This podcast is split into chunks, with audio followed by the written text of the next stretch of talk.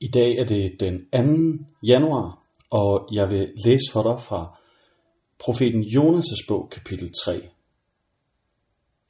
For anden gang sagde Gud til Jonas, du skal omgående rejse til Assyrernes hovedstad Nineve og meddele dem, hvad jeg har besluttet. Denne gang gjorde Jonas, som Gud sagde.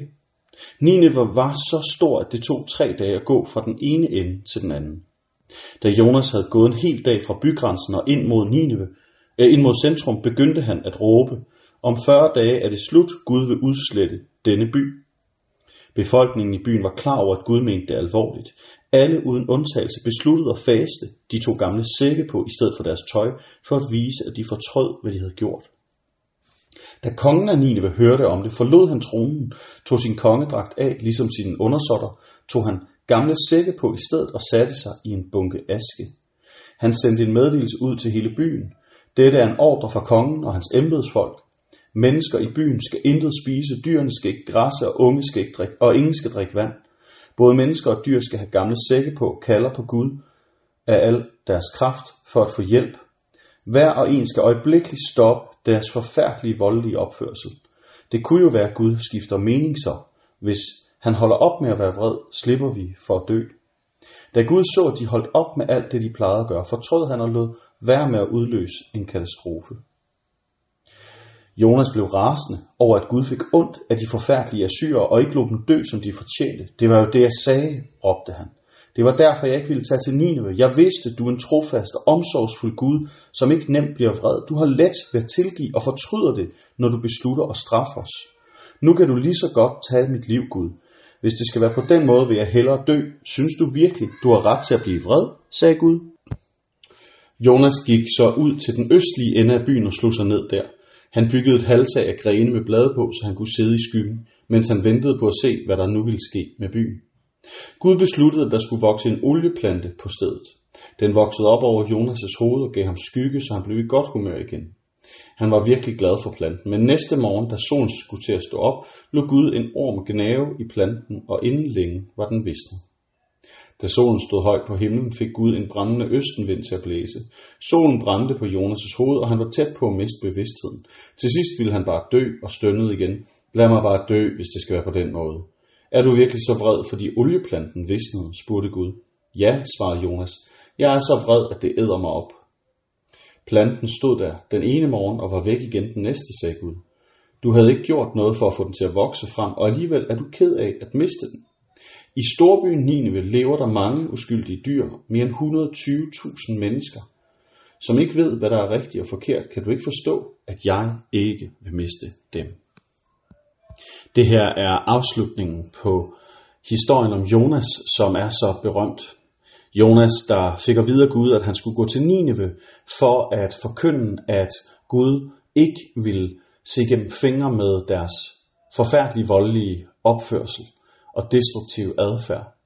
At han ville straffe byen, at han ville ødelægge den.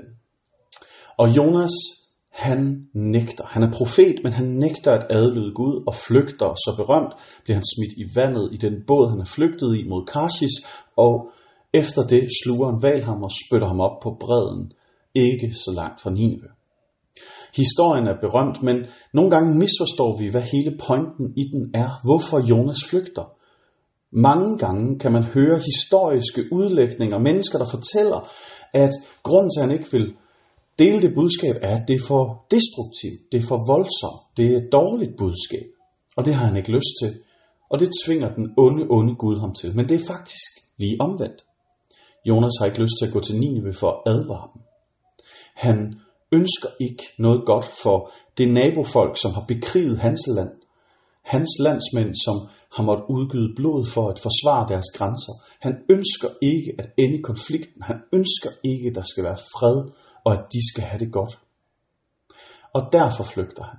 Og Gud insisterer og sender sin profet til landet, til byen, som er så stor. Og den gribende afslutning, hvor Gud spørger ham, skulle jeg så ikke bekymre mig om 120.000 mennesker og også en mængde dyr, som ikke kender ret fra forkert? Kan du ikke forstå, at jeg ikke vil miste dem? Her der ser vi, hvordan Gud han har omsorg for et hvert menneske. Og byer er ikke som sådan en særlig hellig eller særlig vigtig konstruktion i Guds skaberværk. Det, det er mennesker, der skaber byer og civilisation, men netop fordi at byer er fulde af mennesker, derfor er Gud så intenst optaget af dem. Det er et højkoncentrat af gudbilledlighed. Det er et højkoncentrat af ulykke. Det er et højkoncentrat af innovation, af evne til at konstruere og skabe. Og derfor har byer unikke muligheder. Og Gud bekymrer sig om hver eneste menneske i byen. Det er det, vi får at vide i dagens beretning. At selvom mennesker ikke har lyst til, at Gud han skal tilgive og skabe forsoning for dem, vi ikke har så nemt ved at tilgive, så gør han det. Og måske er det i dag, vi skal kigge på vores nærområde. Vores lille by, vores store by, vores vej, vores opgang, der hvor vi nu lige bor. Vores lille by. Og se på, er der nogen i det her område, er der nogen omkring mig, som har brug for at høre, at Gud, han er sent til vrede.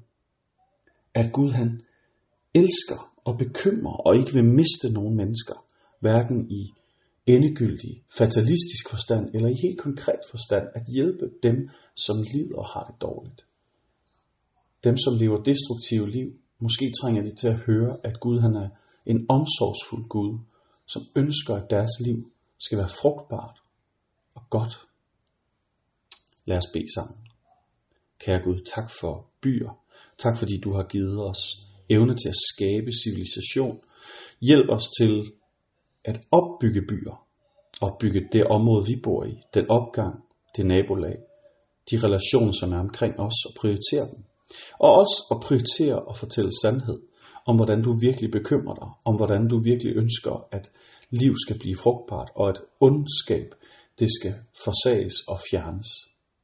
Amen. Giv have en rigtig dejlig dag.